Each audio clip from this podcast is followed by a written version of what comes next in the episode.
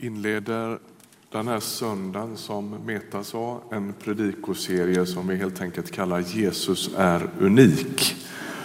Och tanken är att försöka måla på olika sätt att den kristna kyrkan menar att Jesus aldrig kan reduceras till bara en röst bland många.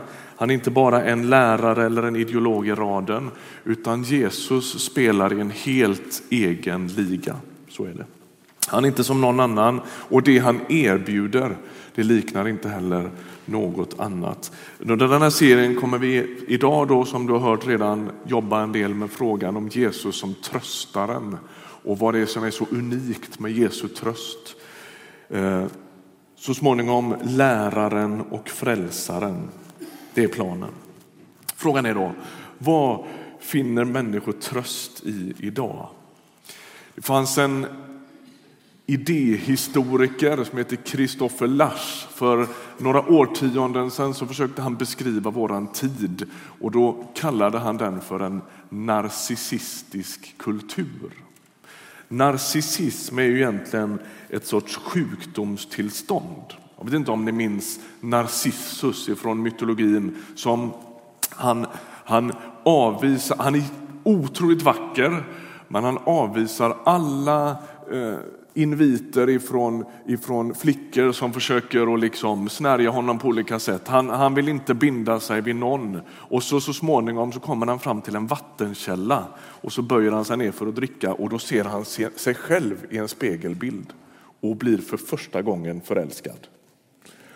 Så är det. Och narcissism blir ett sorts eh, beskrivning av en självcentrerad eh, inåtvänd kultur på något sätt. Va? Han förälskar sig i sin egen spegelbild, han kan inte gå därifrån. Och det här blir Narcissus död så småningom.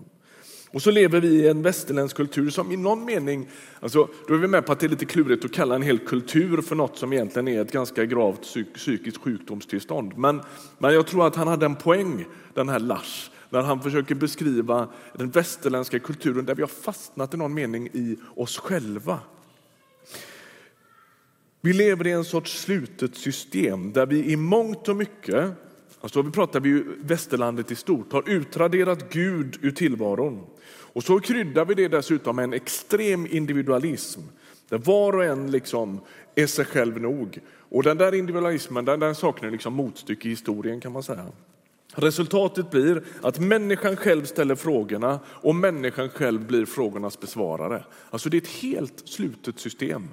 Man är utlämnad till sig själv. Om ingen utanför oss själva har någonting att säga till oss, då blir man extremt rotlös. Det är då man liksom nästan lättar på marken och blir som svävande himlakroppar. Vi söker frihet ifrån allt. Vi rotar oss inte i något, vi binder oss inte vid någon. Vi håller distans till allting. Och så blir livet enormt rotlöst.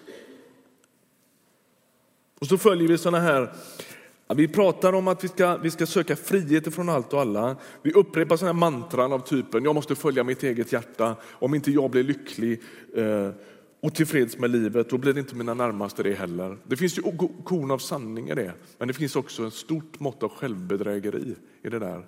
Att man distanserar sig ifrån allt och alla. Vad händer då med den frikopplade människan, fri från allt och alla, när sorgen slår till med full kraft? När man faktiskt behöver tröst, vad tar man vägen då? När livet krackelerar, då kanske synd, skuld, skam, sorg, ensamhet sköljer över människan. Så risken finns ju att man ger upp, för man vet inte var man ska ta vägen med det. Det finns också en påtaglig risk att man flyr, som vi hörde innan här. Man köper sig glad. Eller man flyr i drogmissbruk, självskadebeteende, arbetsnarkomani. Man blir en shopaholic eller vad man nu väljer för sätt att döva sin, sin ångest. För det är ju det det är. Va? Det är ett sorts uttryck för att vi inte kan hantera vår ångest eller vi hittar ingen som kan lätta våra bördor. När Paulus skriver, Paulus är Nya testamentets flitigaste författare. Av 27 böcker i Nya testamentet har han skrivit 13. Kanske hans mest personliga brev, det är andra Korintierbrevet. Och jag måste säga att jag vet inte om man får ha personliga favoriter, men jag har då det ändå. måste jag säga. Det här är det. Min personliga favorit. Om vi bläddrar till, om du har en bibel med dig, till andra Korintierbrevet. Bakgrunden är den här. Korint är en antikens världsstad, ett stort centrum både kulturellt och ekonomiskt och religiöst och på alla möjliga olika sätt. Där bildas det en församling ungefär år 52 efter Kristus. Så småningom så är det falska lärare som dyker upp där. De börjar utmana Paulus och ifrågasätta honom och hävdar att han saknar en sorts myndighet och pondus som borde känneteckna en riktig apostel. De tycker att han är velig, han ändrar sina planer vid något tillfälle. De tycker att han är svag. De tycker att han verkar liksom, eh, han är inte tillräckligt tuff, han är inte tillräckligt retorisk och så vidare. och så vidare. Han är helt enkelt inte tillräcklig. Och Paulus han försvarar sig själv, han försvarar sin tjänst, men han gör det på ett lite bakvänt sätt. Han gör det inte genom att, genom att liksom gå med dem i någon sorts boxningsfight där. Men jag ska nog visa er, jag är minsann stark. Nu ska jag visa er, nu ska jag ge er på nöten här. Han gör inte det, utan han vänder på det och så säger han, ja ni har rätt. Jag är svag, men ni har inte fattat någonting. Det är ju just det som gör mig till en Jesu Kristi apostel. Det är min svaghet som stryker under vem det är jag tjänar. Genom att framhålla den, svagheten, bräckligheten istället för förtjänsterna och bedrifterna så argumenterar Paulus för att han har med Jesus att göra. Vi ska läsa en text från första kapitlet, andra Korintierbrevets första kapitel. Som lyder så här, från vers 3. Välsignad är vår Herre Jesu Kristi Gud och Fader, barmhärtighetens fader och all trösts Gud. Han tröstar oss i alla våra svårigheter så att vi med den tröst vi själva får av Gud kan trösta var och en som har det svårt. Ty liksom vi har fått en riklig del av Kristi lidanden har vi också, får vi också riklig tröst genom Kristus. Har vi det svårt är det för er tröst och frälsning. Blir vi tröstade är det för att ni ska få den tröst som hjälper er att bära samma lidanden som vi själva. Vi har ett fast hopp när det gäller er. Vi vet att liksom ni delar lidandena med oss delar ni också trösten. I fem verser här så upprepar Paulus ett av de centralaste orden i hela den här texten, i hela det här brevet till den här boken, nämligen ordet tröst. Det återkommer tio gånger på de här fem verserna. Och det är liksom inte bara en upprepning utan det är nästan som om han är liksom lite fixerad vid det här ordet. Han kan liksom inte släppa det. Det återkommer hela tiden. Paulus han har ju sina spår. I Galaterbrevet där är Paulus arg. I Filipperbrevet där är han glad. Och I den här boken delar han sin djupa sorg och det han söker göra är att beskriva Guds tröst. Om du är i det läget i livet där du behöver liksom gnugga dig mot det så tycker jag att du ska gå hem och bläddra i Andra Korintierbrevet. Det har tröstat troende människor i 2000 år. Där talar Paulus om, ni vet, texterna. Om du, kanske känner, om du är något sånär familjär med bibelcitat så känner du kanske igen citatet att i svagheten blir kraften störst. Um, när jag är svag, då är jag stark. Kommer så småningom. Det liksom mynnar ut i det. Och det är som att Paulus försöker beskriva en märklig paradox. Där, där Gud verkar mitt i skörheten. Han inleder hela det här avsnittet med vers 3 där han beskriver Gud som barmhärtighetens fader och all trösts Gud. Det här återkommer jag till väldigt ofta, det här uttrycket. Jag tänker att det är ett av de tjusigaste uttrycken för vem Gud är. Barmhärtighetens fader. Alltså, han är far till allt vad barmhärtighet heter. Och han är all trösts Gud.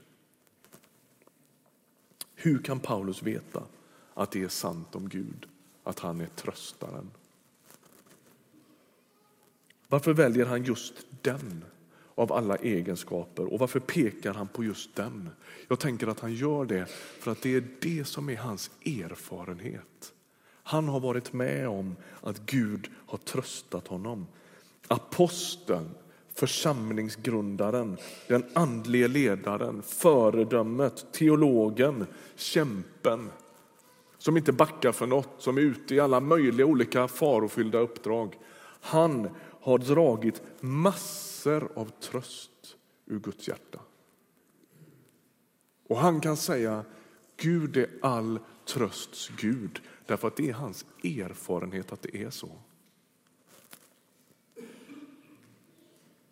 Han har gjort det för egen del. Om inte han hade kunnat hitta den trösten hos Gud, då hade han inte överlevt. Och så säger han att Gud tröstar oss i alla våra svårigheter. Och jag tänker att ett viktigt ord är ordet i. Han tröstar oss i våra svårigheter. Han räddar oss inte nödvändigtvis från alla svårigheter, men han finns mitt i dem. Och jag tänker det här är helt avgörande för vår teologi, det är helt avgörande för vår gudsbild. Gud är med dig mitt i din smärta.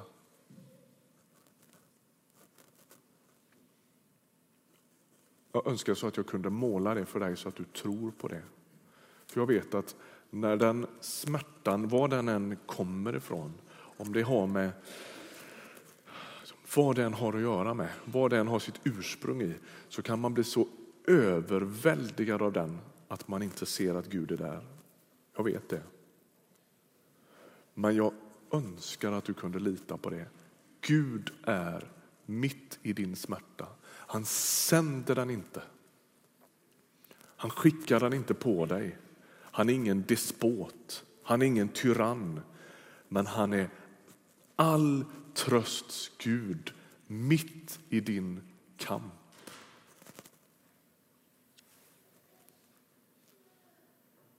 Att du lever ett liv kantat av svårigheter, om du nu gör det, det är inte ett bevis på att Gud har lämnat dig. Jag vill att du hör mig nu noga. Det är inget mått på din starka eller svaga tro. Paulus hela poäng i det här brevet det är att hans svårigheter och hans smärta faktiskt inte kvalificerar honom som kristen eller som apostel eller som ledare utan att det snarare ställer honom i bredd med Jesus själv. Det är det som är grejen. Det kristna, Guds rike, allt som har med Jesus att göra är, är, sker i skuggan av ett kors. Det är den mest förnedrande, smärtsamma händelsen i hela världshistorien. Det är det som kodar den kristna tron. Den har med förnedring att göra, den har med smärta att göra, den har med förtvivlan att göra och med hopp och tröst. Men när, om du lever mitt i smärtan, förnedringen, känslan av att vara övergiven, då står du i bredd med Jesus Kristus själv.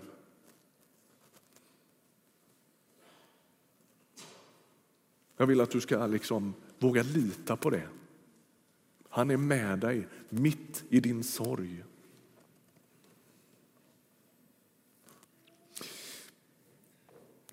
För drygt tio år sedan så dog drottningmodern i England. Den gamla drottningen som alltså är mamma till nuvarande drottningen. Man undrar hur gamla de där blir. Hon var ju över hundra år. Hon dog precis i början på 2000-talet. Om jag fattar det rätt så är hon en av de få människor som har levt under tre, tre århundraden. Född i slutet på 1800-talet och dog i början på 2000-talet. Eh, under andra världskriget då försöker drottningmodern uppmuntra och hjälpa invånarna i East End i London.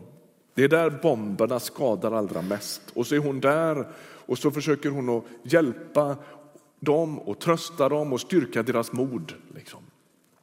En dag så faller en bomb över Buckingham Palace och så skadas en av flyglarna på Buckingham Palace ganska rejält. Och då säger drottningmodern det som kanske hon är mest ihågkommen för. Hon, hade nog ganska, hon var lite, lite skämtsam och lite typisk engelsk humor. Det fanns nog en hel del schyssta citat efter henne. Men det här är liksom det hon är mest ihågkommen för. Hon säger At last I can look the East End in the face. Till sist kan också jag se East End-borna i ögonen. Vad är det hon säger? Jo, hon säger nu kan jag gå dit med en annan pondus. Jag vet vad det är att ha fått sitt hus sönderbombat.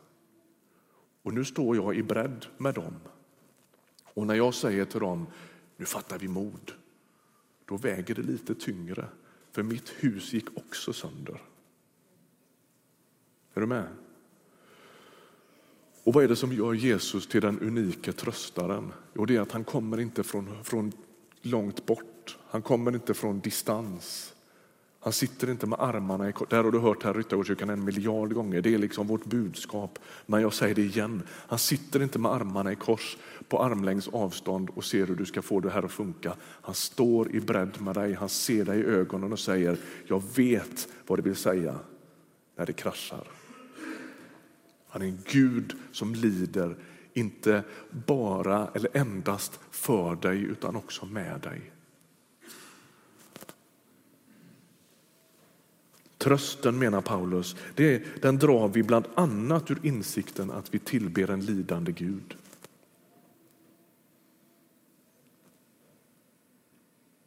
En Gud som utstått lidandet, döden och uppståndelsen från de döda.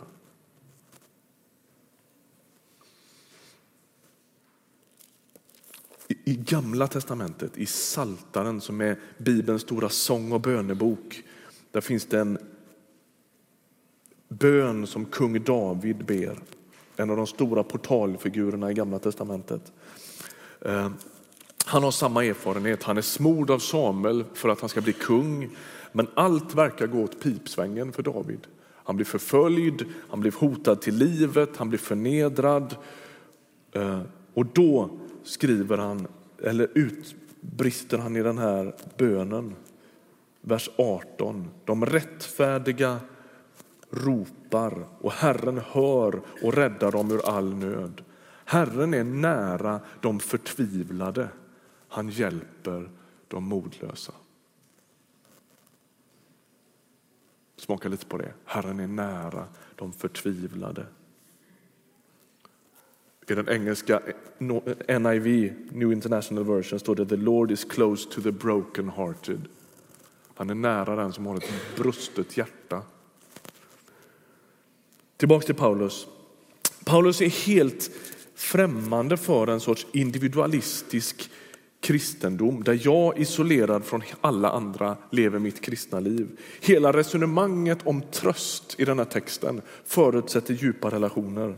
Aposteln och hans medarbetare de lider och de tröstas och han säger att ett av skälen för det, eller något gott som kan komma ur det, är att de kan ge trösten vidare till andra.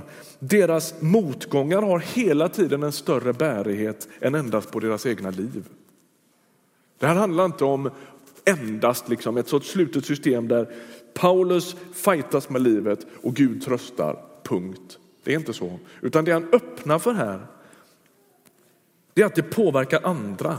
Hans erfarenhet av Guds trofasthet, av att Gud är nära, kommer andra människor till välsignelse. Och det hjälper i det här läget de här korintierna att fatta någonting om vem Gud är.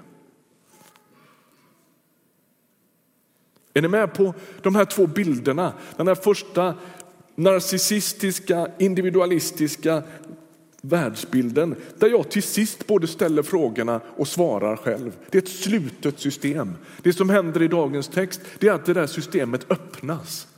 Att den där in, självcentreringen bryts. Att Gud rör sig i våra liv och att han öser av sin barmhärtighet och sin tröst över oss. Och när det sker, då öppnas inte bara tillvaron mot Gud, himlens och jordens skapare, utan då öppnas också mitt liv mot andra människor.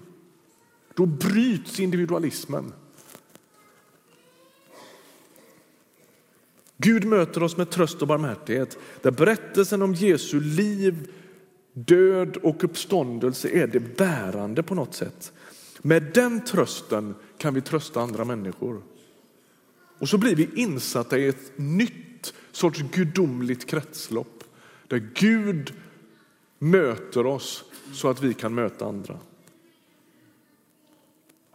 Vi kopplas upp mot Guds verklighet. Hans tröst och hans barmhärtighet blir någon sorts DNA som genomsyrar allt. Och på det sättet kan det mest destruktiva som du och jag är med om få vara till hjälp för andra människor.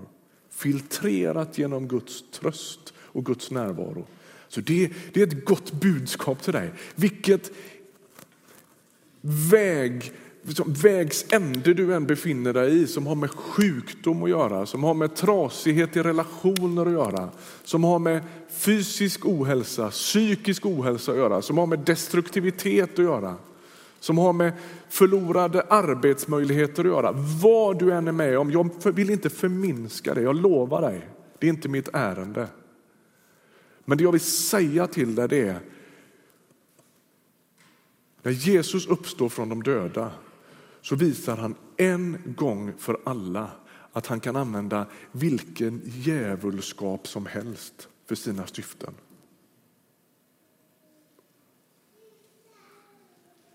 Det är aldrig kört. För Gud tröstar, upprättar och dina mest smärtsamma erfarenheter kan få betyda något i Guds hand. Både det du inte kan hjälpa av, av liksom omständigheter och det där som du så djupt skäms för.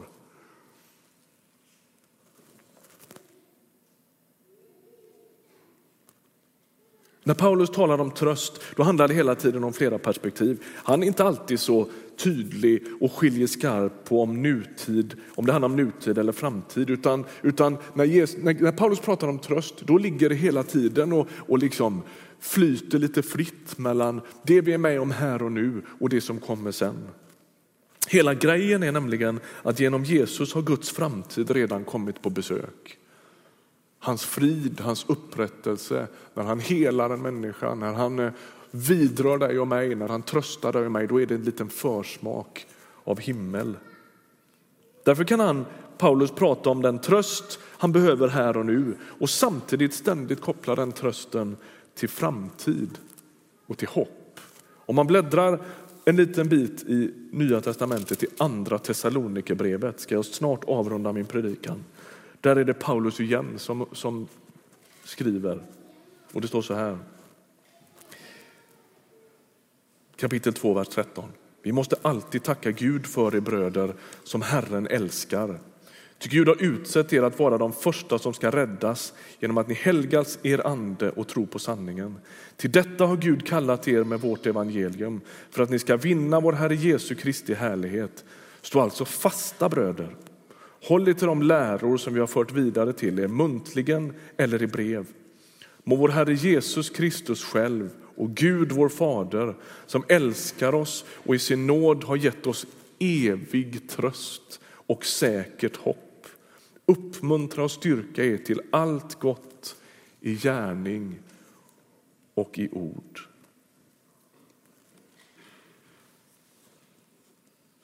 Kort sagt, avslutningsvis, Gud älskar oss. Han har i sin nåd gett oss evig tröst och ett säkert hopp. Smaka lite på det.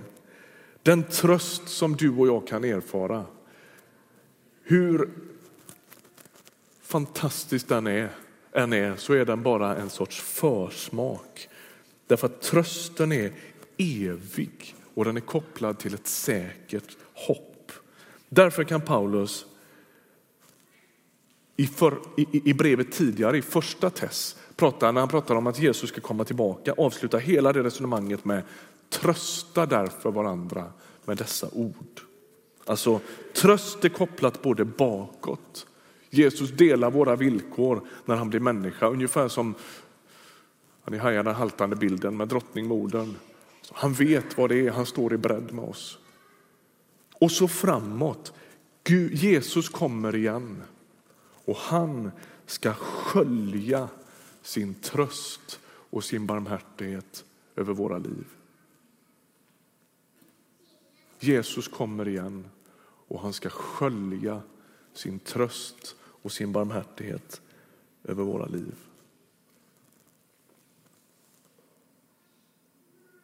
Det här är inget mindful budskap. Det har inte att göra med att du liksom peptalkar dig själv eller att du ska liksom tänka positiva tankar. Allt det här är rotat i att det här verkligen har hänt. Jesus har delat våra villkor. Han har dött, han har uppstått från döden och det ändrar allt.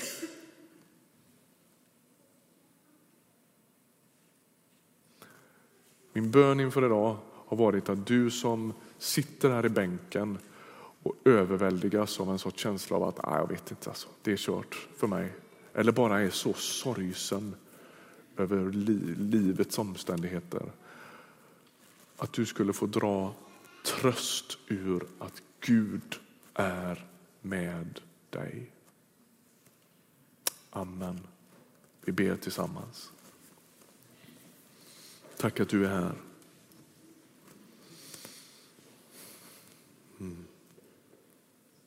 Tack att du går med oss. Tack att du vänder ditt ansikte till oss, Jesus.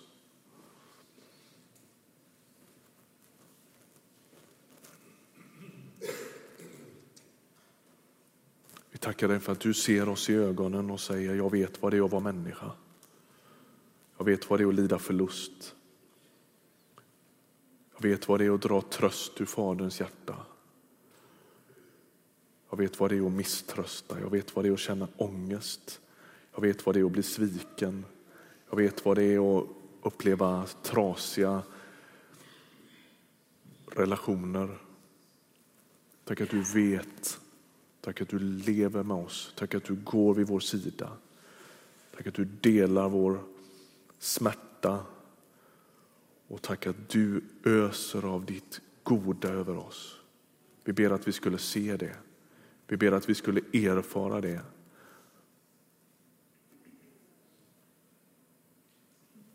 Herre, du är barmhärtighetens fader och du är all trösts Gud. Vi är så tacksamma för det. Amen. Amen.